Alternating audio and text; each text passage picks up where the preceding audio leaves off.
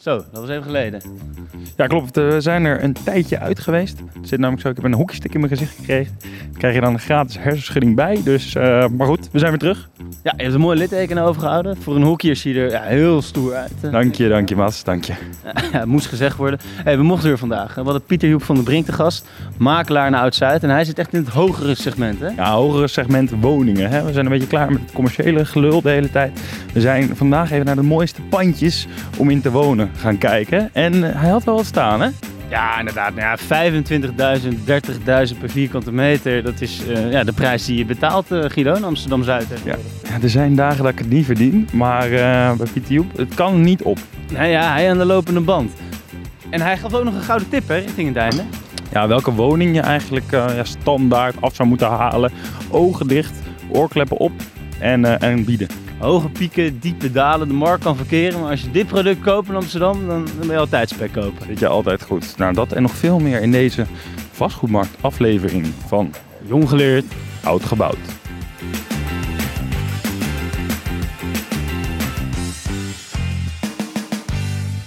Pieter Joep, we zitten bij jou op kantoor. Carla van der Brink op de Laressenstraat uh, in Oud-Zuid.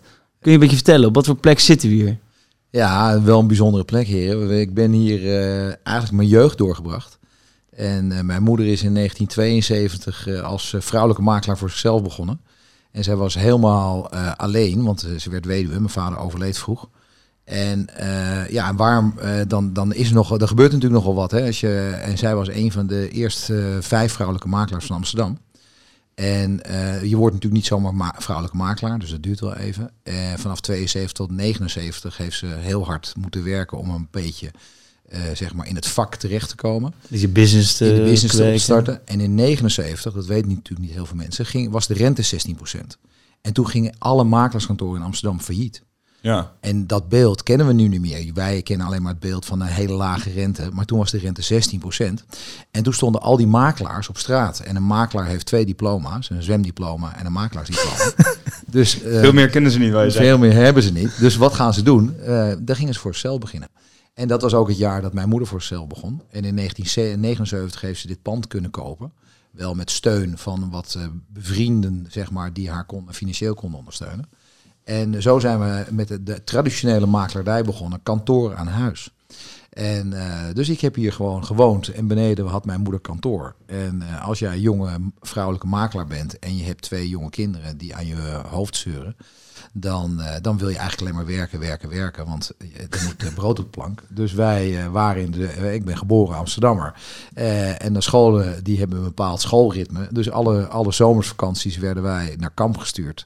En mijn moeder had hier beneden kantoor. En als ik dan om drie uur s middags thuis kwam, dan had ik geluk of ze wel of niet op een afspraak was. En dan kwam je beneden, zei je even dag.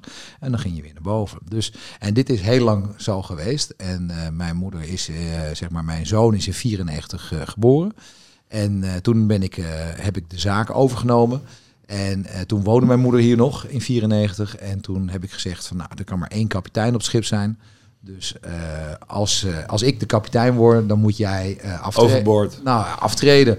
Dus nu ben ik 28 jaar eigenaar van Carven Brink. Mijn moeder is dus korter eigenaar geweest. Hè, want in het begin was ze in loondienst. En het kantoor is in 79, 79 begonnen. En, en toen heeft zij gelukkig voor haar, zoals 52, toen ze ophield met werken. toen heeft zij een hele mooi landgoed kunnen kopen in het oosten van het land. Daar heeft ze haar droom kunnen verwezenlijken. En vanaf, vanaf dus de dag 94 ben ik hier de eigenaar, maar ben ik ook eigenlijk, in het begin was ik de huurder van het Goed. En nu zijn we ook nog de eigenaar van het Holland Goed. Dus wij, wij noemen dan eigenaar-gebruiker. Want je dus moeder was uh, nog steeds eigenaar van het Nee, ja, die was eigenaar. Alleen ja. uh, nou komt het dan een beetje wat om niet zo leuk onderdeel van het verhaal is dat ze in 2005 helaas de jongens overleden. Ah. En toen heb ik dus via de erfenis heb ik uh, dit pand gekregen. Mijn zus heeft het pand hiernaast gekregen. Dat is wel een mooie ja, om het in de familie te houden. Ja, heel fijn. En uh, nee, ze had eerst nog bedacht, ik weet niet of jullie al zo technisch onderlegd zijn over de meesleepregeling. En dan had ze bedacht van dan geef ik het, bu het buurpand aan, me, aan mij en dan geeft ze dit pand aan mijn zus. Ik zeg nee, ik zeg ik krijg dit pand en dan stop ik dan gewoon in de holding. En uh, nou ja, dus eigenlijk voor mij is het een familiehuis. En, uh, en jullie maakten net de opmerking van goh, wat ziet het er gezellig uit. En ik probeer um, onze cliënten die hier binnenkomen willen ook een warm huiselijk gevoel krijgen. Ja. En dan kom je en dan zeggen ze, nou, we willen heel graag in Amsterdam Oud-Zuid. Dat is dan waar we nu zijn, in de buurt van het Concertgebouw. En uh, we willen heel graag een tuin en we willen heel graag, want we hebben een pand hier van 10 meter breed. 15 diep. Dus dat, is, dat zijn maten die niet zoveel voorkomen in Amsterdam-Zuid. En we willen heel graag die tuin op het zuiden. Maar, en dan zegt Spietje op, maar ik wil niet die tram.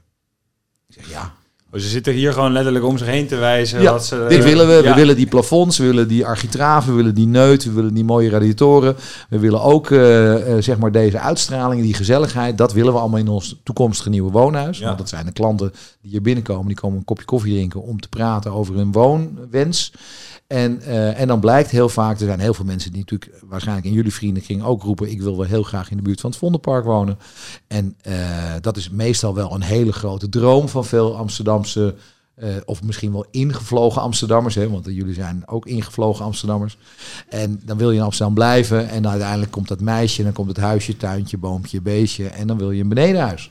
Want een heel pand kopen is weer een, drug, een bruggetje verder. Ja. En, uh, Hoeveel ben je daar nu gemiddeld voor kwijt? Uh, voor, de, voor de mensen die niet in Amsterdam wonen? Stel je wel zo'n heel pand, je omschrijft het net, uh, 10 bij 15. Nou ja, kijk, uh, vijf verdiepingen. Om dan, om dan de link met het verleden en het heden nog even te maken, is, uh, ik weet nog heel goed, mijn moeder zei altijd van, uh, als ik een meer dan een miljoen gulden ga betalen voor een bovenhuis, dan eet ik mijn hoed op.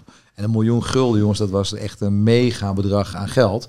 En ondertussen, zeg maar even, de, de, de benchmark. Wij noemen dan, uh, wij praten, ik praat als makelaar liever niet over vierkante meters, maar liever over product. En dubbel bovenhuis in de buurt van de Cornelis Schuit, dat is wel, wel bekend.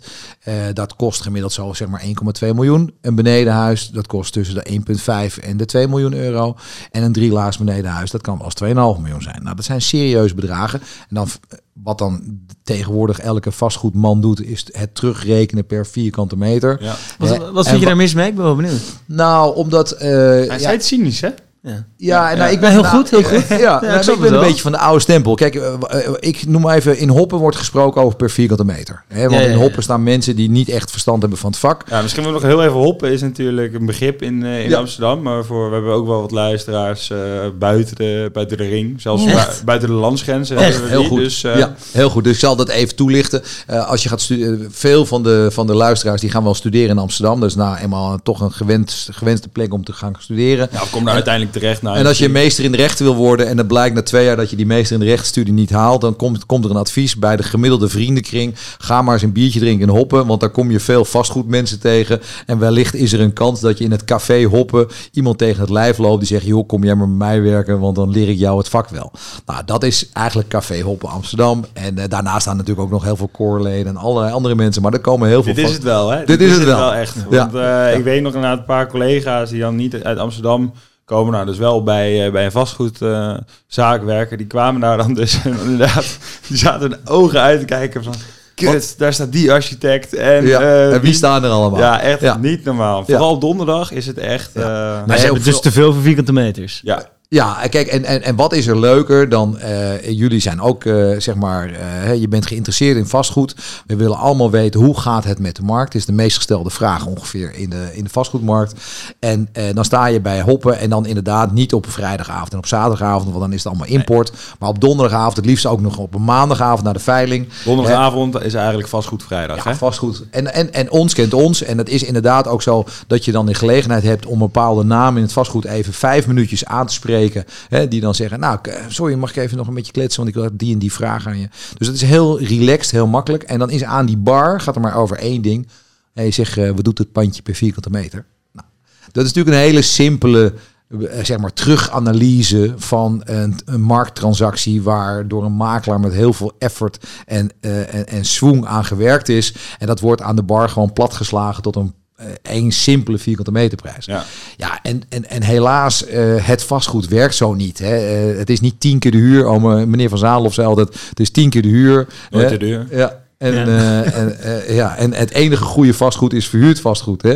Dus, eh, want de rest leegstaand vastgoed, daar hebben we niks aan. Nee. Nou ja, dus eh, en ik ben niet zo van de vierkante meter prijs. Ik reken het natuurlijk ook terug. Hè. Ik bedoel, ik ga dat niet ontkennen. Maar ik ben nog wel van de oude stempel dat je naar producten kijkt. En, en, en hoe zou het nou in, in vredesnaam kunnen als je een bovenhuis koopt van meer dan 2 miljoen euro. En je zou ook een mooi huis met een tuin kunnen kopen voor dat bedrag. Dan kloppen die verhoudingen niet helemaal. Dus er zit Ja, er altijd zit vaak een discrepantie tussen. ja, Ja, en er zitten gewoon. Kijk, en eh, tuurlijk, eh, wij als kantoor zitten in het high-end segment. En wij verkopen natuurlijk appartementen op een niveau dat we af en toe ook denken van jongens, we hebben de top al bereikt. En dan, dan gaat het nog een keer hoger. Eh, het laatste record wat we hebben gemaakt, om dat maar gelijk door de microfoon Let's te go, ja, is eh 26.200 euro per vierkante meter. En dat hadden we aangemeld. En iedereen zei van hoe kan dat dat je dat in twee dagen hebt verkocht? Ja, en, en, en dat is natuurlijk aan de bar van Hoppen. eh, Wat, was, wat, wat is dat voor woning dan? nou, dat is een heel mooi huis eh, aan, de, aan, de, aan, de, aan het Vondelpark op de Van Eegstraat. Op dit moment is de Van Eegstraat de duurste straat van Amsterdam. Hè, grachtengordel blijft gewoon heel erg sterk achter bij de 400 meter prijzen die we maken. En eh, er worden op dit moment voor appartementen, hè, wordt, zeg maar, is de benchmark, zoals we dat mooi noemen, tussen de 20 en de 30.000 euro per vierkante meter. Nou, dat zijn prijzen Ja. die, die, die je niet kunt uitleggen. Maar dat wil niet zeggen dat jullie, zeg maar even de, voor de luisteraar, hun vriendenkring, die woont ook in Oud-Zuid. In een, eh, nou ja, ik bedoel, de straten zijn de Lomanstraat, de Valeristraat, de Van Breestraat. Het wil niet zeggen dat al die straten ook dat soort bedragen doen. En er zijn echt gewoon, wij noemen dat op straatniveau, wijkniveau, gigantische verschillen. En hoe komen die verschillen tot stand? En dat is natuurlijk, dan kom je ook weer een beetje bij de kern van het makelaardij, van de makelaardij en van de advisering. Is ehm, eh, ja, die markt die werkt met emotie. En die emotie die in de markt zit, is soms heel moeilijk inprijzen. We kunnen allemaal eh, weten wat de bouwkosten zijn. We weten allemaal wat de grondprijzen zijn. En dan zou je zeggen, nou, en dan tel daar nog een beetje emotie op. En dan kom je ergens aan een prijs. Ja. Maar op dit moment, Amsterdam kan niet worden afgebroken. Eh, we leven in een stad met eh 850.000 inwoners. We hebben 400.000 bebouwde eenheden. En ja, meer zijn er niet. En het gekke is dat eh, na de studietijd van de student, dan wordt hij jong werkende. En dan maakt hij carrière aan de Zuidas. Of hij maakt carrière ergens. Of nog veel erger, hij maakt een start-up en hij, verdient, hij verkoopt zijn bedrijf heel erg goed. Veel erger, hè? Dat is nog veel erger. Hè? En, eh, of, de, of je wordt dan overgenomen door een hele grote marktpartij. En dan heb je die ce- centjes op de bank staan. En dan zegt de vrouw des huizes, zegt, schatje, we gaan verhuizen naar een leuk huis. Want, En is het nou ook zo dat, dat in het werk wat ik doe als, eh, als ontwikkelende belegger, dan is eigenlijk ook een vaste regel zo, hoe kleiner woningen worden, hoe hoger de prijs per vierkante meter is. dat, dat is... Geldt dat hier ook? Of, of Ja. gelden hier hele andere wetten eigenlijk in deze? Nee, dat ben ik. Nee, je, je legt het wel goed uit. Kijk, in principe is de woning natuurlijk in de pijp van eh, 40 vierkante meter. Die heeft heel snel een hele hoge benchmark. Want hoe kleiner de, vier, de vierkante meters zijn, hoe hoger de vierkante meter prijs. Alleen, er, er zijn producten, en nou kom ik weer met mijn product, hè, dat, die hebben een unieke prijs. En eh, dus de meest gestelde vraag bij ons op kantoor is, mensen komen hier binnen en die zeggen, meneer Van der Brink, eh, we hebben nu eh 22 jaar in het Gooi gewoond. Eh, de kinderen zijn het huis uit. Eh, we hebben dat grote ding met het zwembad en die tuinman hebben we verkocht. En we gaan, wij, en let op de zin, hè, wij gaan met z'n tweeën in een appartement wonen in Amsterdam met een lift. Met twee parkeerplaatsen onder het huis. Een heel groot terras aan de keuken. Het liefst in de buurt van het Vondelpark. En dan zeg ik altijd, god, wat een leuk idee. Dat u heeft, wat, van wie heeft u dat geleerd Ja, dat dat ja. kan? En dan zeggen ze, ja, onze vrienden die wonen daar ook in. Ik zeg, ja, maar waar dan? en dan blijkt natuurlijk dat er altijd één van die criteria niet helemaal voldoet. En in Amsterdam is natuurlijk dat niet ultieme droom niet gebouwd. Er bestaat niet een appartement op de Dam met een heel groot dakterras. Hoe prijs je dit dan in? Want je, hebt, je schetst het net mooi van eh, we hebben een aantal metrics plus emotie. In bedrijfskunde en accounting heb je inderdaad een aantal metrics plus goodwill. Ja. Eh, hoe speel jij als Ja, dat- dat is- Dit, is, dit, dit kun je Ja, juist niet ja. omschrijven, Dat- toch? Dit nou, is, eh, dat dat, is, ja, ik denk dat, dat kijk, de, de, de, je zit in een markt en net zoals iedereen dagelijks bezig is met zijn vak, eh, is het een treinreis die je meemaakt. En gedurende zo'n seizoen maak je wat mee. Nou, laten we maar even met het dieptepunt beginnen in 2009 met de Lehman Brothers. En na een jaar stortte de- onze vastgoedmarkt gewoon in. Ja. Klaar, punt. Het vertrouwen was weg. Eh, niemand, eh, ABN AMRO ging failliet, eh, dus er werd geen hypotheek afgesloten. omschrijf die tijd eens. Ja, dat was wel eh bloedlied door de straten.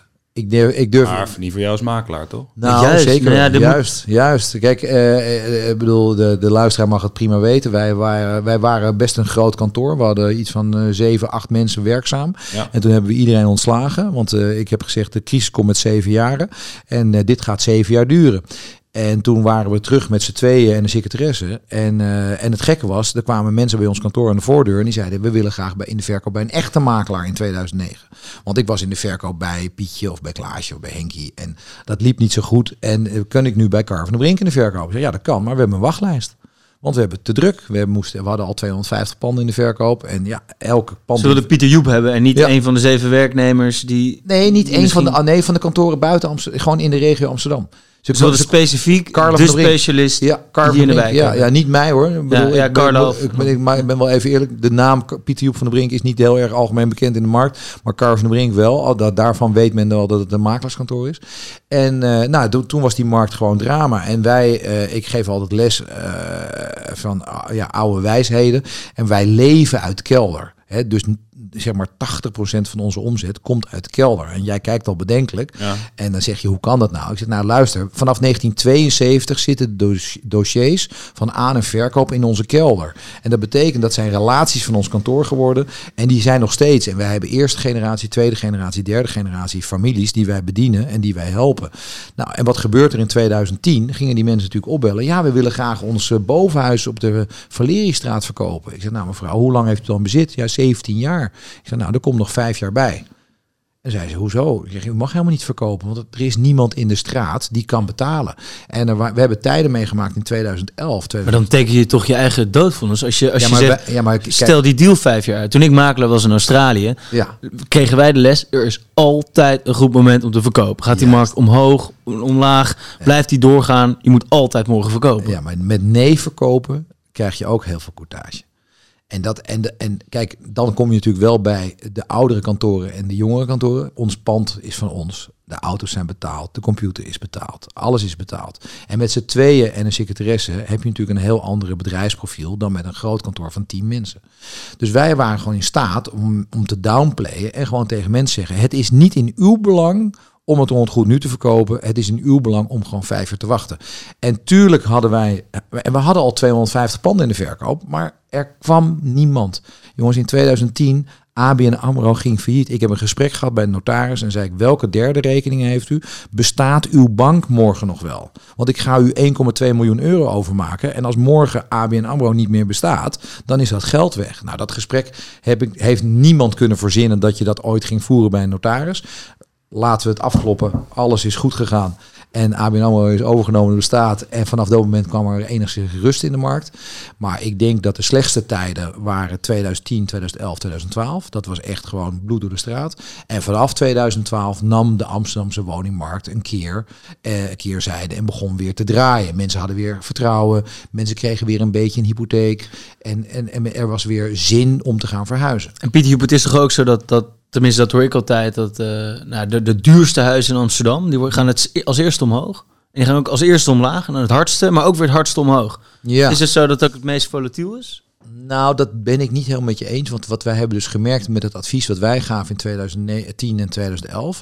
Uh, eh, de mensen die uh, hypotheek gedreven waren, die kwamen in de problemen. Hè? Dus als jij de hypotheekrente niet meer kunt betalen omdat je, je bank... Aflossingsvrij. Aflossingsvrij, onder water. En uh, het, voor, het leuke voorbeeld is wat ik moet geven, is dus in 2008 hebben we... In 2000, nou, 2007, 2008 hebben wij appartementen aangekocht voor jonge mensen. Jong werken op de Zuidas. En op dit kantoor was de volgende zinnen, de standaard zinnen. Hij neemt aflossingsvrij. Hij gaat niet de koopsom lenen, maar hij leent ook nog de kostenkoper 10%. Oh, hij, keuken erbij. hij wilde ook een nieuwe keuken en er moest ook nog een nieuwe houten vloer. En ze, ja, en ze wilde stiekem ook nog even op vakantie. En ik zeg, ja, maar daar is de hypotheek niet voor bedoeld. En uh, nou, dus dat was de mentaliteit. En uh, nou, ik ben het niet helemaal eens geweest met onze regering. En ik denk dat meer mensen daar niet mee eens waren met de afschaffing van uh, het terugbrengen van de hypotheekrenteaftrek en het verplicht aflossen naar nul. Maar dat is uiteindelijk de redding van de woningmarkt gebleken. Want daar was je het niet mee eens? Daar was ik in het begin, in het begin zoals oude lul, was ik het daar niet mee eens. Ja, ja, ja, zei ik van jongens, blijf nou af van die hypotheekrenteaftrek. En hoezo moeten we af? Ik heb al jarenlang aflossingsvrij. Hoezo? Dat komt altijd wel goed. Nou, dus dat beleid is omgedraaid. Wat gebeurt er in die kredietcrisis? Na die kredietcrisis in 2012 2013, maar vooral dan in de jaren daarna, heb ik weer jongwerkenden gezien. En dat, dat, dat, dat fletje in de pijp, zeg maar, dat was dan opeens geen 3 ton, maar dat is nu 4,50. Hè? Dat is een aanzienlijke stijging qua prijs. Maar wat komt er? Er staat een jong werkende met een hele leuke jonge dame, met een vader erachter die hem nog een beetje helpt. En die zegt, nou, ik neem helemaal geen 100% hypotheek. Ik ga maar lenen 80%. En by the way, ik ga aflossen naar nul. En by the way, ik heb nog geld voor de verbouwing. Ik heb ook nog geld voor de keuken. Ik heb gespaard. En ik heb van mijn oma, dan moet ik er dan wel bij zeggen, een tonnetje gekregen. Of van mijn vader een tonnetje. Dus uh, de, de generatie... situatie, ja. Ja, ja, nee, ander soort maken. Ja, en let op wat het, vervolgens deze jonge generatie in 2007, nou zeg maar even, moet ik goed tegen je de datum zeggen. Ik denk dat het was 2014, 2015 zei. En ik ga een hypotheek nemen voor 20 jaar geld. Want dan ben ik 35 plus 20, 55. Dat kan ik makkelijk betalen. Ik neem 20 jaar geld. Dus die, die hele jonge generatie van voor de crisis, die onder water kwam te staan en eigenlijk ja, gewoon het niet meer kon betalen tijdens de kredietcrisis, die hebben zo hard geleerd ja. dat ze na de kredietcrisis hebben geleerd. Met hun kinderen? Nou ja, of nou niet hun kinderen, want kijk, eh, de, de 35er van de voor de 25er, de 25ers, de, de, de, het broertje van, zeg maar. Hè? Of het, jonge collega's. Ja, of jonge collega's, of een iets oudere collega. En die hebben gewoon tegen elkaar gezegd, dat ga ik niet meer doen. En eh, vanuit hun tenen, vanuit hun gevoel, zeiden ze, ik ga niet alles lenen, ik ga aflossen naar nul en ik neem een hele lange hypotheekrente. Nou, dat beleid heeft ervoor gezorgd dat als we nu weer in een crisis komen, wat jij vraagt van is het dan een volatiele markt, dan kom ik straks op het Hoofddoorplein en er zit een, een jonge man tegenover me, die is dan uh, eh, 40. En die zegt uh, van, nou ja, maar meneer Van den Brink, die, die woning is wel 100.000 euro minder waard, maar ik heb nog maar 300.000 euro hypotheek. Dus ik kan makkelijk verkopen. Ik sta niet onder water. En ja, eh, ik maak. We hebben daarmee een soort ondergrens, omdat je veel minder paniek aanko eh, verkopen. Ja, uh, en, en, en, en ik weet nog heel goed in 2014, uh, zeg maar eigenlijk 2013, zag je dus al mensen nieuwe, hele mooie, dure huizen bij ons aankopen. En let op wat die dames deden, die gaven een feestje. En dat doet jouw vrouw en jouw vrouw ook. En, en dan komt er een feestje, komen allemaal mensen op bezoek. En die vrouw zegt, ja, ik heb alles nieuw nieuwe gordijnen, nieuwe keuken, nieuwe vloer. En die vriendinnen van haar, die zijn natuurlijk stik in stik in stik jaloers. En uh, die zegt van, uh, ja, weet je wat nog helemaal gek is? We hadden een hypotheek van 8% rente, maar we hebben nog maar een hypotheek van 3% rente. Hoe komt? Ja, de hypotheekrente is gedaald. Dus die feestjes waren de spiraal, de motor van de markt in 2015. En al die vriendinnen lekker met elkaar kletsen. En die gingen s'avonds naar huis en die zeggen tegen man, schatje, wij gaan ook verhuizen, want wij willen ook een nieuwe keuken en nieuwe gordijnen. En ik wil een lage hypotheek van 3%. Dus die, die, die totale emotie in die markt in 2015, die zorgde ervoor dat twee en het beste jaar wat wij gedraaid hebben is 2015. Waarom? Is het ook weer onverstandiger geworden in die in die Nee, was het hoogst hoog de, de, de, de hoogtepunt nee, ja, dus, nee, dus je komt uit de crisis. Dus de vijver met de koopstaande woningen was groter, groter, groter, grootst geworden. Er stonden heel veel woningen te koop. En in 2013, 14 en dan uiteindelijk het hoogtepunt 15... wilde iedereen met een kinderwagen wilde een huis kopen. Dus die twee werelden kwamen bij elkaar. En dat heet dan vraag en aanbod. Ja. En vraag en aanbod was gewoon gelijk. Het was gewoon gelijk. Er stonden heel veel woningen te koop. En er waren heel veel kopers. En iedereen was blij. De verkoper was blij. Yeah, we kunnen verkopen. Want ons huis in 2013, dat vonden we toch wat engs. En in 2015 kregen ze meer geld voor een huis dan in 2013. En de kopers, dat waren die jong werkenden met een nieuwe BMW. Hè. Ze hadden gewoon een bonus van de, van de bank gekregen. Ja, ja, lekker. En ze hadden gewoon een dertiende maand. En ze hadden een nieuwe BMW. En, en ze hadden een kinderwagentje al gekocht. Dus die, die, die werelden sloten goed aan. Dus 2015. Einde crisis, ja, en dan moet ik er wel bij zeggen, 2015 2015 was het beste jaar voor de makelaardij in Amsterdam standaard. De standaard makelaardij. En dan praat ik over gemiddelde koopsom 4, 5, 600.000 euro. Die makelaardij was fantastisch. Dus toch die zeven, zeven jaar. Zeven jaren, zeven jaren van de crisis. Ja. En wat en, wat er, heb gelijk gekregen. Ik heb gelijk gekregen. En toen wat jij nu wil weten is is die luxe markt ook aangegaan. En vanaf die 2014 is ook die luxe markt, dus dan praten we even boven de miljoen euro, die is ook op een gegeven moment aangegaan. En toen werden er dus prijzen gemaakt dat sommige verkopers zeiden van ja, maar dat is best wel heel erg interessant. Wij gaan verkopen en wij gaan gewoon naar nou ja, start een andere riedel nou ja Laren of we gaan naar uh, Noord-Holland of we gaan maar de, Oké, okay, ik heb, ik heb een nieuwe vraag voor je. Ik heb een nieuwe vraag voor je. Dus uh, tijdens de crisis 2009 toen was de situatie zo. Meer 2010, heel veel aanbod, heel weinig vraag. Het kon gewoon niet betaald worden. Volgens mij zitten we nu in de omgedraaide dingen. Heel weinig aanbod, heel veel vraag. En er is misschien een kentering.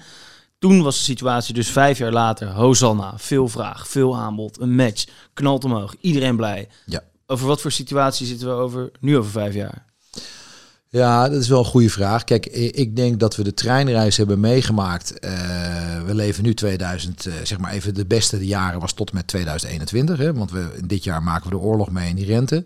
Dus als je nou gewoon even de horizon neemt van 2021 als beste jaar ooit. Hè? Bedoel, klaar. Dat was... Zeven jaar na 2014.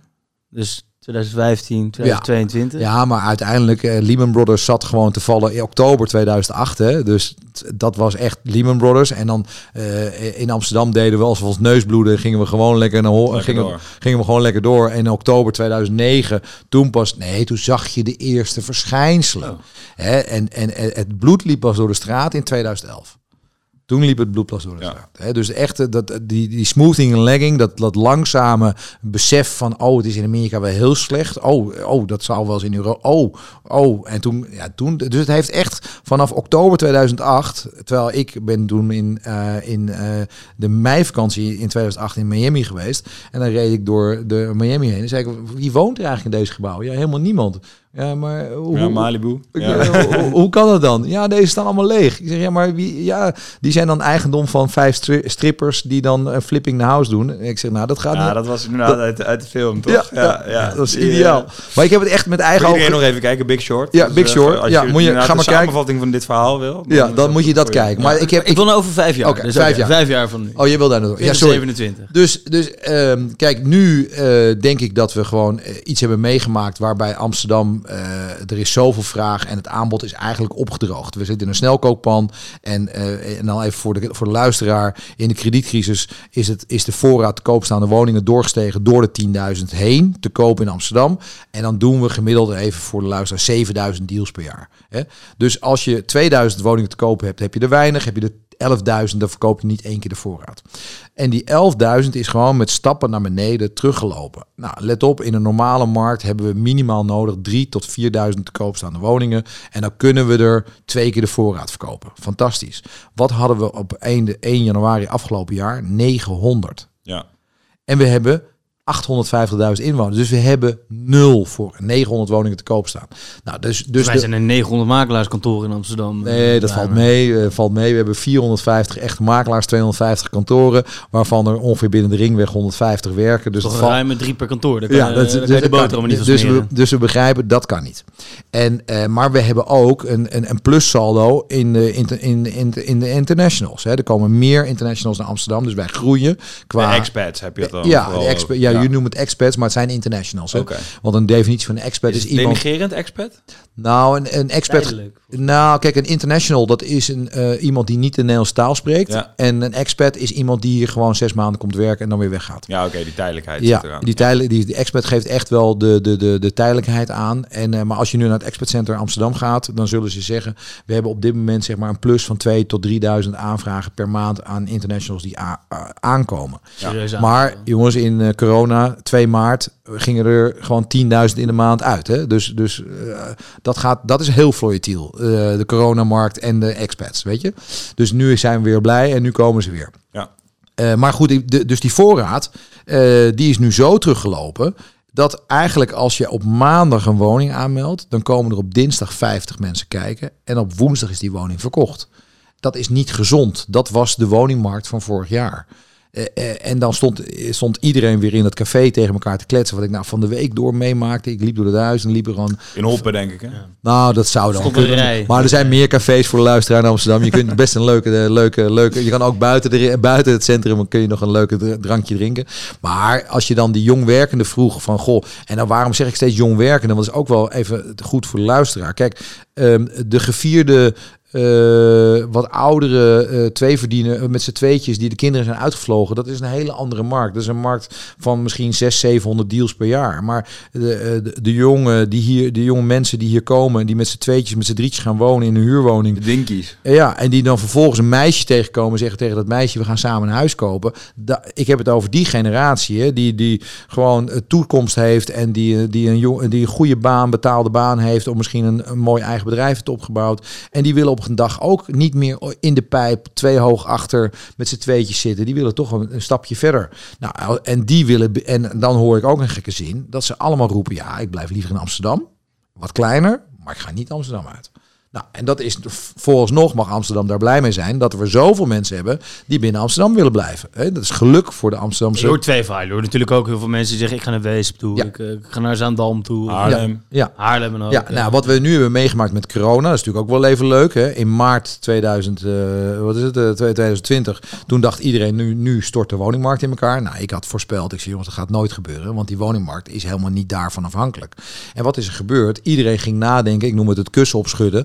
Uh, je woont met je vriendin, je, of je met je vrouw, je hebt één kindje, allebei moet je verplicht thuiswerken. Nou, wat gebeurde er? Schat, wat... Scheidingen. Nee, nee, nee. Ja, maar ja, ook, ook, dat ja, nee, heel maar, fout, hoor. Dus de vraag explodeerde. Hè? De, niet, de vraag naar vakantiehuis is geëxplodeerd. De vraag naar uh, een camping is geëxplodeerd. Maar ook de vraag naar een huis met drie slaapkamers, of met twee slaapkamers, of een huis met een werkkamer. Allemaal geëxplodeerd. En wat gebeurde nog meer, dat was helemaal leuk met het remote werken, werken is dat men zei, ja, maar ik ga in Amersfoort wonen. Of ik ga lekker in Zutphen wonen. En ik verkoop dat. En in Amsterdam eh, eh krijg je voor een, een, een klein huisje in de pijp krijg je 550.000 euro. Nou, heb je daar 200.000 euro hypotheek op, dan ben je, je lekker gaan vervelen in Amersfoort. Dat, nou ja, dat mag niet zeggen. Ja, maar dan, dan nou, niet vervelen, maar eh, heel veel mensen hebben gewoon bedacht door de corona. Ja, maar jongens, als dit het leven wordt, dan, dan en eh, twee, drie dagen per week thuiswerken, fantastisch. Ik ga gewoon buiten Amsterdam. Ja, we moeten even wel, ja. Piet, want je, inderdaad, we verzanden weer in uh, ja. wat er nou is gebeurd. Maar, ze stelde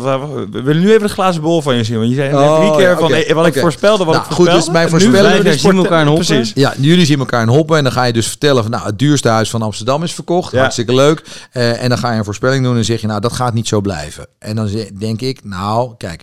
De gemiddelde uh, vastgoedeigenaar... Kijk, eerst even voor, voor een, een goed prijsbeeld. 70% van Amsterdam is nog steeds een huurwoning. 30% van de voorraad is koop. Dus we hebben sowieso heel weinig eigenaren. Ja. Nou, en uh, merendeel van die eigenaren hebben we net besproken, staan niet onder water.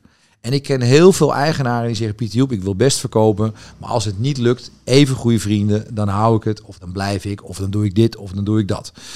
We hebben net even Hugo aan het voorgesprek Hugo de Jonge benoemen. Dat is wel een hele grote indrukmaker op de markt. Hè. Waar, ik denk dat elke vastgoedprofessional zich vasthoudt voor de derde dinsdag van de september. Wat gaat er in die uh, dat koffertje zitten? Wat gaat er in het koffertje en wat komt er uit het koffertje? Vooral wat komt er uit en wat zeggen we daarvan? Hè? Als ontwikkelaar van woningen, eh, weet je, als je een puntentelling voor 230 punten moet gaan maken, dan word je helemaal, dan kom je niet meer. Kun je, kun je, je spreadsheet kun je gewoon sluiten, kun je gewoon een spreadsheet uit doen. Alleen maar rode cijfers. Ga ik, dan ga ik alleen maar over producten praten. Dan gaat hij alleen maar over producten praten. Maar um, ik denk dat uh, we hebben zo'n sterke markt dat uh, er natuurlijk uh, er is gewoon in die kredietcrisis in 2009 echt wat afgegaan. Maar uh, ik zie echt wel uh, gewoon kansen voor een stabiele, sterke markt. Omdat ik net heb toegelicht dat die jonge lui, die goed gefinancierd zijn, die komen niet onder water. Die komen Ze niet hebben geleerd van fouten uit het verleden. Juist. Dus het gaat echt niet zo zijn dat als nu de rente naar 6 gaat. Hè, ik heb al gezinnen gehoord, hè, gewoon in, in, in, in, zeg maar op een feestje, partij. Ik ga mijn hypotheek mee verhuizen. Nou, ik weet niet of jullie dat woordje nog kennen, hypotheek mee verhuizen. Nieuwe term voor mij. Een nieuwe term, maar dat kan. Ja. Hè? En, en, en je kan dus, ik, ja, ik heb een 20-jarige lening, ik neem een hypotheek mee naar het volgende huis. En dan ga, de, maar de hypotheek staat toch op het huis en niet op een persoon? Nee, maar de leningvoorwaarden kun je mee verhuizen naar je volgende huis. Die blijven bij jou. Want jij hebt. Welke bank gaat daarmee akkoord? Ja, maar dat, is, de, de, dat, dat, dat gaat gebeuren. Let maar op. Oké, maar jij denkt met deze doorstijgende rente uh, voor, zo, voor, voor zolang die doorstijgt, ja. dat er eigenlijk geen nou, kijk, uh, de hele grove daling. Komt. Nou, kijk, uh, uiteindelijk moet je natuurlijk heel voorzichtig zijn met dat soort uitspraken. Als de rente naar 6, 7 procent gaat, dan kost een huis in de pijp natuurlijk hè, 5 ton keer 7 procent. Kunnen we allemaal uitrekenen. Dat is niet meer zo leuk. En dat was een hele lange tijd 5 ton keer 2 procent. Ja. ja, dan snappen we allebei dat dat natuurlijk heel betaalbaar is. Het ene scenario en het andere scenario is onbetaalbaar. Dus dat heeft echt consequenties voor de markt. Ehm, maar, de, de, de, zeg maar je, je krijgt pas echt een, een emotionele schrik reactie als als men heel hard geraakt wordt. Nou, de corona was natuurlijk een heel mooi moment geweest om heel hard in je, in, gewoon in je echte vertrouwen geraakt te worden. En wat doet die markt? Uh, die mensen, ja, wat er ook gebeurt. Maar kijk, een Nederlander betaalt eerst, eerst zijn huis, dan de Albert Heijn en gaat dan pas nadenken over vakantie en over andere luxe goederen. Dus er zijn twee dingen die in Nederland echt... in Europa hebben we de hoogste verhouding hypotheek ten opzichte van waarde in je huis, maar ook de hoogste betaalgraad. Dus ja. Hartstikke veilig. Eh, ja, dus de default is eigenlijk, er zijn in heel Nederland nog maar 2.500 veilingen per jaar in heel Nederland op een hypotheekportefeuille van 350 van 3,5 miljoen uh, hypotheken. Dus de default is eigenlijk 0,0,0,0,0. Kan je niet uitrekenen wat de default is. Er is geen default in de hypothekenmarkt. En uh, maar goed, uh, kijk, ik denk wel het plafond van 25.000 euro is wel bereikt. He, dat, is, dat durf ik wel te zeggen. Ik, ik ga niet voorspellen dat het binnenkort nog even lachend doorstijgt naar 30.000. Pieter, we, hebben net ook even je zoon ontmoet. Hè? Ja. Uh, bijna 30. Nou, die is ook allemaal start-ups bezig. Die wil misschien ook wel een huisje gaan kopen binnenkort. Ja, ja en daar wat, wat, wat adviseer jij hem als, als, als, als vader naar zoon? Wacht nou even een jaar. Of ja. doe nou nu. Nou, even wachten laat ik zo zeggen, het, dan komt het weer van het product wat iemand in dat uh, van, van zijn levensfase kan betalen. En uh, kijk, een grondgebonden woning voor een, een, stelletje met een kindje, dan zeg ik nou jongens, dat product is heel schaars. Dat moet je gewoon in doorpakken en koop die woning, want die is toch niet te koop. Hè? Ook niet over 12 maanden of over 24 maanden. Met jouw 30 anderen die. Maar een etagewoning in de pijp, waarvan er 30 in een dozijn zijn zonder balkon dan zou ik zeggen, nou, weet je, wacht nou heel even. Koop die woning nou even niet, weet je. Dus eh, op productniveau, en dat is dus waar ik dat probeerde uit te leggen, zijn er gewoon momenten dat je zegt, nou, doe dat nog even niet. Ja. Hè, maar Als je dan een perfecte combinatie hebt van locatie en productniveau, waar moet hij gaan wonen? Over een jaartje? Bedoel je voor de toekomst? Ik zou in. Ik wil een hidden jam horen. Ik wil, dit knippen we eruit en kopen we zo. Oost, Oost, in, Oost-Indische buurt als ontwikkeling. Ik denk dat daar gewoon kansen liggen. Ja. Weet je, ik vind uh, Javerstraat, als je kijkt naar wat er met de Javerstraat omgeving gebeurt, dat is echt serieus uh, booming. Wijk met potentie daar. Wijk met potentie. Ja, kijk, wij, wij, wij hebben als makelaar natuurlijk allemaal geintjes en gabbetjes. Dus Oud-West heette Goudwest. En toen was het Bos en Lommer heet Bos en Lamere. Hoezo? Bos en Lamere. ja, ja. Oké. Ja, dus uh, ja. De, Mijn zusje woont op de Zwart-Janstraat in Rotterdam. En dan noem ik ook stevast de Rue de Janois. Uh, ja. ja. ja. ja. klinkt veel nee, dan het is. Uh, in principe, alles binnen de ringweg gaat gewoon, wordt perfect. Het kan niet zo zijn, deze woningmarkt die, die ervoor zorgt dat iedereen uh, kijk, fiets gewoon door de Javastraat, kijk wat daar gebeurt. Ik bedoel, de gezelligheid en de uitstraling die zo'n wijk krijgt, dat, dat hou je niet tegen. Uh, ik merk wel dat heel veel consumenten heel moeilijk vinden om over de ringweg te gaan dus Noord gestoord, dat is op dit moment het zinnetje. De, de Noord-Zuidlijn ging aan. En de dag dat de Noord-Zuidlijn aanging, gingen de prijzen in Amsterdam-Noord omhoog. Ja. dus had maar voor de Noord-Zuidlijn Amsterdam-Noord gekocht. En nu heet het Noord gestoord. Ja, eh, de, de gemiddelde inwoner, vaste inwoner van Amsterdam-Noord kan het niet meer betalen. Hun kinderen kunnen daar niet meer wonen. Want de, de juppen van voor het ei, die komen over het ei. Want die zeggen, ja, ik stap in de metro. En, ik, ben en ik ben het elf minuten op het op WTC. Dus, dus ja, eh, alles binnen de ringweg wordt fantastisch. Dus dat, dat, dat gaan we niet meteen. Ik ga je alleen. En product, product? Product, ja, dat is natuurlijk het. Ja, ik, eh, ik, heb, ik heb een paar. Ik vind mevrouw Halsema met haar uh, burgemeester en wethouders voert nou niet het meest fantastische beleid in deze stad. Waarom niet? Nou, kijk, ik een voorbeeld geven. Ze hebben net uh, bestemmingsplannen aangepast dat je niet meer mag opbouwen. Je mag geen dakterrassen bouwen. Je mag niet meer onderkelderen. Kijk, we zijn een spons. Amsterdam is een spons. We moeten met veel mensen in deze stad wonen. als ik hier internationals krijg en die zeggen: ik, ik werk bij Netflix, ik wil met drie kerels bij elkaar wonen, dan moet ik tegen die man gaan zeggen: ja, sorry, dat mag niet. Want dat heet, dan moet je een samen... Uh, ja, moet je gaan trouwen. Nee, samen, daar moet je, moet je een vergunning voor vragen met meer dan twee. Nou, dus, dus ik vind dat heel erg raar dat onze gemeenteraad uh, zo uh, maar goed, we kunnen urenlang over politiek kletsen, dat willen we niet. Maar uh, ik, vind wel de oplossing van de stad is een spons zijn. Hè. Uh, een spons zijn betekent, je kan nog een half verdieping ergens bovenop bouwen. Je kan in de tuin een serre aanbouwen. Um, grondgebonden woningen zijn natuurlijk gigantisch schaars. Hè. Ik bedoel, ik heb net uitgelegd, we hebben 800.000 inwoners, maar we hebben maar 400.000 bebouwde eenheden. Nou, ietsje meer, 450. En als je daar nou even gewoon roept een pand in Amsterdam met vier etages, deel je dat bedrag door vier, kom je op 125.000 woningen, uh, panden en daarvan de begane grond. Dus 125 125.000 begane grondwoningen. In tuintje. In het tuintje, 70% is vuurd. Dus wat is de kans dat een begane grondwoning te koop komt? 30% is maar een koopwoning van die 125.000. Ja. Dus we hebben 30.000 of zeg maar rond de 36.000 koopwoningen begane grond met een tuin. Ja, binnen de ring. Binnen, nee, binnen heel Amsterdam. Hè? Binnen heel Amsterdam, hè? Ja. Postcode Amsterdam. Ja. ja. nou ja, goed. Dus, dus uh, uh, en daarom kom ik, blijf ik hameren op product omdat uh, je zou in de pijp best kunnen toestaan. Uh, we, we, voegen twee woningen samen en we willen die grote gezinnen bij uh, in Amsterdam houden. Maar de gemeenteraad vindt het lastig om kleine woningen op te geven. Dus je mag niet een dubbel bovenhuis maken. Als je etagewoning hebt, mag je niet de begane grond met de eerste samenvoegen. Want ze willen die losse huizen, die huisnummers laten bestaan. Dus ik, ja, de stad moet een balans zijn. En ik merk eigenlijk alle markten, die moeten in balans zijn. En je merkt gewoon nu wat er ook gebeurt met, met, de meeste, met deze oorlog. De, in Oekraïne worden de kabelbomen van een auto gemaakt. Nou, de hele auto-industrie in paniek, want er is geen kabelboom te krijgen. Dus er is een onbalans in die markt. En er gebeuren hele rare dingen. Adviseer jij nu ook, je had het uh, in het begin um, even over die families die al jaren bij jullie zijn. Ja. Adviseer je ook wel eens dan nu juist misschien om te verkopen, om daar eens naar te gaan kijken? Nee, want ik heb in, eh, als, als je kijkt naar de geschiedenis van ons kantoor, vanaf 1972 is de ontgoed niet minder waard geworden. Nee, Ooit. Precies. Dus vanaf 72, als je gewoon de lijn trekt, hè, dan, dan... Zeker die families die er voor de lange termijn in zitten, zou je zeggen. Ja, ja. Maar het is uniek dat ik in de kredietcrisis heb gezegd van u mag niet verkopen. Dat heb, ik, dat heb ik niet zo vaak in mijn carrière gezegd. Niet verkopen. Dat, dat heb ik nooit gezegd. En, en, en nu bij, want jij vroeg net, moet je ook zeggen niet aankopen. Daarvan zeg ik dus, dat hangt dus op dat productniveau af daar waar er 30 van in een dozijn zijn. dus dus de, de, de, de, de cafépraat aan hoppen is op dit moment. Oké, eh, weet je, een fletje in de pijp zonder balkon, uh, twee hoog achter. Die zal nu wel wat minder belangstelling krijgen. Adviseer je daarin dus ook wel dat je hier soms uh, mensen krijgt waarvan je denkt van. Ik weet niet of ze het eigenlijk al kunnen betalen. Of zoals Matt zegt, van betalen eerst ons huis. Maar dan gaat er wel zo'n groot deel van hun inkomen af.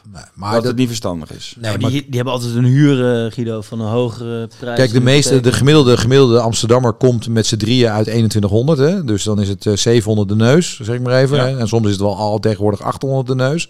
Nou, als je met z'n tweetjes bent en je met mannetje, vrouwtje, dan betaal je dus 16, 1700, 1800 euro aan huur. Komt er die rare vattenval komt er nog even overheen en die Ziggo komt er ook nog even overheen. Dus Alle zenders wel. Dat die rioollasting uh, het laatste alles, alles komt eroverheen. En dan zeggen die twee tegen elkaar: Jezus, wat betalen we eigenlijk een hele hoge loonquote. Ja. Maar op het moment dat wij als aankoopmakelaar functioneren, bij ons gaan altijd iedereen langs. Eh, we hebben werk natuurlijk, eh, zoals elke makelaar, met een hypotheekadviseur. En ik zeg: luister, we gaan niet voor jullie aankopen als, u, als we niet senang zijn over het plaatje. Ja, precies. Dus dat doe je wel. Ja, kijk, wij, hebben, wij werken als makelaar. Dat, nou, dan kom je helemaal in de, in de wereld van de wet WFT en alles erop en eraan. Maar tegenwoordig, know your customer, moet je alles weten. Ja. Dus zowel bij de verkoop heb je getekende opdracht, maar bij de aankoop heb je ook een getekende opdracht. En beide cliënten moet je helemaal hebben uitgetrokken. En wij zijn geen financieel deskundige. Ik ben geen financieel planner, dus daar huur je dan weer mensen voor in. En dan uh, eigenlijk om mensen bij ons hier binnenkomen lopen zeggen, jongens, de makelaar is niet het belangrijkste. De financieel adviseur is het belangrijkste. Als je de hypotheek geregeld hebt en je weet wat jij net noemt. Van, je bent. Kan ik nog naar de Albert Heijn? Kunnen nog op vakantie? Die gingen, gingen vroeger twee keer per jaar skiën en nu dan één keer per jaar skiën. Eh, kunnen we het allemaal betalen? Dan pas gaan we aankopen. En, en, en wij zijn ervoor als makelaar aankoper om binnen dat budget te blijven. Want wat gebeurt er? Die vrouw staat bij dat huis. Eh, ze hebben acht woningen gemist. Uh, dat kindje is net geboren. Stukje emotie blijft stukje groeien. emotie blijft groeien. Aan de vraag ja, acht, keer acht keer geboden en dan hoor je in het café... ik heb het net niet gehad. En dan willen ze de negende keer. Dan zijn Andere wij... wordt erbij gehaald. en dan komt nog een oom en nog een tante. En dan zeg ik op de negende... jongens, wij zijn nu hier om jullie te... dit gaan we niet meer doen. Dit doen we niet. Nee, precies. Weet je, dus dat nee zeggen... verdien je ook heel veel courtage. Oké, en dan een laatste. Balpark, denk ik. We zijn begonnen met een balpark uh, figure, 26.000 de meter. Ja. Ik ben ook nog even benieuwd naar het pand wat hier voor het meeste, voor het recordbedrag eroverheen is gegaan. En wat voor uh, pand dat was. Dit, wat ik net heb genoemd. Nou ja, niet die 26.000 meter was de meter, maar misschien was het wel een, uh, een woning gewoon heel klein. Ja, de, de, Vertel nou, over het product. Product, product, de product ja, dus het product is uh, zeg maar even. Uh, op dit moment zijn de villa's in Amsterdam Zuid het meest gewild. Ja. En uh, dit was dus een historische. Ja, maar ik bedoel dus niet deze, maar ik bedoel juist de, degene die gewoon in zijn totaliteit. Of was dat ook deze? Dus oh, we hebben natuurlijk een meterprijs. De hoogste, ja, je jij had het over die meterprijs. Dat vind ik eigenlijk geen, ja. geen figure. Maar, ja, maar dan het totaal. Nou kijk, dus, dus um, uh, we hebben, jullie, jullie kennen denk ik de internetsite Funda en uh, weten dat daar niet alles op verkocht wordt. Ja. Uh, we hebben als kantoor um, de omstandigheid dat wij via het Christie's label een paar dingen kunnen verkopen via private sales. En in die markt opereren wij veel. het is zo dat mensen van dat prijsniveau willen graag een beetje onder de radar blijven. Precies. De kopers van dat prijsniveau willen ook niet heel graag horen in de quote van ja, hey, kijk eens, Jan of Klaas of Henk heeft zoveel geld uitgegeven. Uh, ik wil best met je delen dat bijvoorbeeld een tijd lang was de benchmark op de Apollo was tussen de 10 en de 15 miljoen euro. En laatst zijn we naar boven de 20 miljoen gegaan. En ja, dat, dat verhaal, dat is natuurlijk heerlijk aan die bar weer. En dan wordt allemaal gekletst en uiteindelijk is er een nuance. Hè? Dus, dus als ik dan de nuance mag aanbrengen, zeg maar even dat de duurste huizen van Amsterdam liggen tussen de 15 en de 20 miljoen euro. Ja. Op dit moment. En dan praat ik echt over het absolute bedrag, het allerhoogste bedrag ooit betaald. Hè? Dat, is, dat, zijn een beetje de, dat is een beetje de, de benchmark. Ja, Zonder... weten wij waar we heen moeten werken. En, en toen ik nog één, de aller, echte allerlaatste vraag dan. Toen ik makelaar was in Australië, had ik uh, courtage tussen de 1,5 en 1,8 procent. En ik, ik, moest er keihard op zitten. waren kleine woningen, allemaal ja, 4, 5 ton. Wat is, wat is een beetje gebruikelijk hier als je die grote Nou, kijk, dat is natuurlijk ook een ding. Uh, ik weet de, de, de, de uh, uh, autoriteit consumenten, die heeft ons natuurlijk, de ACM, die heeft ons natuurlijk verboden van kartelafspraken. Dus de NVM heeft op een gegeven moment haar bekende 1,85% ex-BTW moeten loslaten.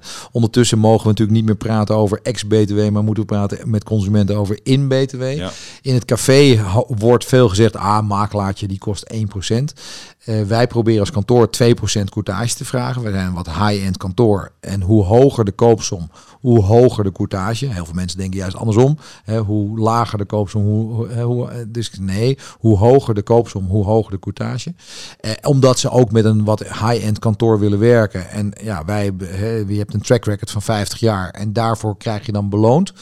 Um, het is, er is, moet ik zeggen, op dit moment met aankoop is het helemaal natuurlijk een, de gouden tip van uh, het huis wat niemand weet, daar word je heel goed voor beloond. Dat, daar, zijn mensen voor die jou bellen van goh Piet ik zou, uh, kun jij voor mij dat en dat en dat, ik hoor dat dus en zo, kun je voor mij, kun je mij helpen? Nou, dan, dan heb je echt een hele mooie positie als adviseur. Waar hebben we het dan over? Nou, ik heb wel eens tegen iemand zeggen voor 3% vertel ik je wel. Ja. ja, maar dat is dat gebeurt. Dat, dat moet ik wel uh, nuanceren dat dat echt maar één of twee keer is geweest. Hè. En heb dus je al een heel lekker product op een ja, daarom, heb je een heel mooi product op een mooie plek. door, nee, keer die 20 miljoen, dan weten we ongeveer. Je hebt hier, hiervoor ja, blaadjes liggen, maar dan hoeven we dan niet meer. Nee, nee, nee maar jouw vraag is natuurlijk gewoon even voor de luisteraar is van ja, luister, uh, gemiddeld. Uh, kijk, er zijn makelaars die werken voor een half procent en er zijn makelaars die werken voor twee. En alleen in Nederland zijn wij natuurlijk gewoon historisch laag. En het, het verbaast me dat Australië zo laag zat. Want als ik naar Amerika ga, dan is het gewoon tussen de, vijf, tussen de 4 en de 6 procent. Alleen dan mis je de exclusiviteit. En wij hebben natuurlijk, we zijn de enige land in de wereld waar Funda eigendom is van de vereniging. Hè? Dus gewoon eigendom van een makelaarsvereniging. Uh, dat is historisch in geen enkel land is dat zo. Hè? Nee, geen enkel land heeft het zo slim voor elkaar gekregen als Nederland. Alleen wij zijn gewoon veel te laag met de courtages. En je koopt eens in de zeven jaar een huis. Ja, en dan uh, de gemiddelde Amsterdammer en eigenlijk ook de gemiddelde Nederlander zegt ja, makelaar kost geld. En dan zeggen wij nee, een makelaar levert geld op. Finita. Ja, is voor ons duidelijk. Die doe ik. Dankjewel. Heel goed. Bedankt, Goed zo.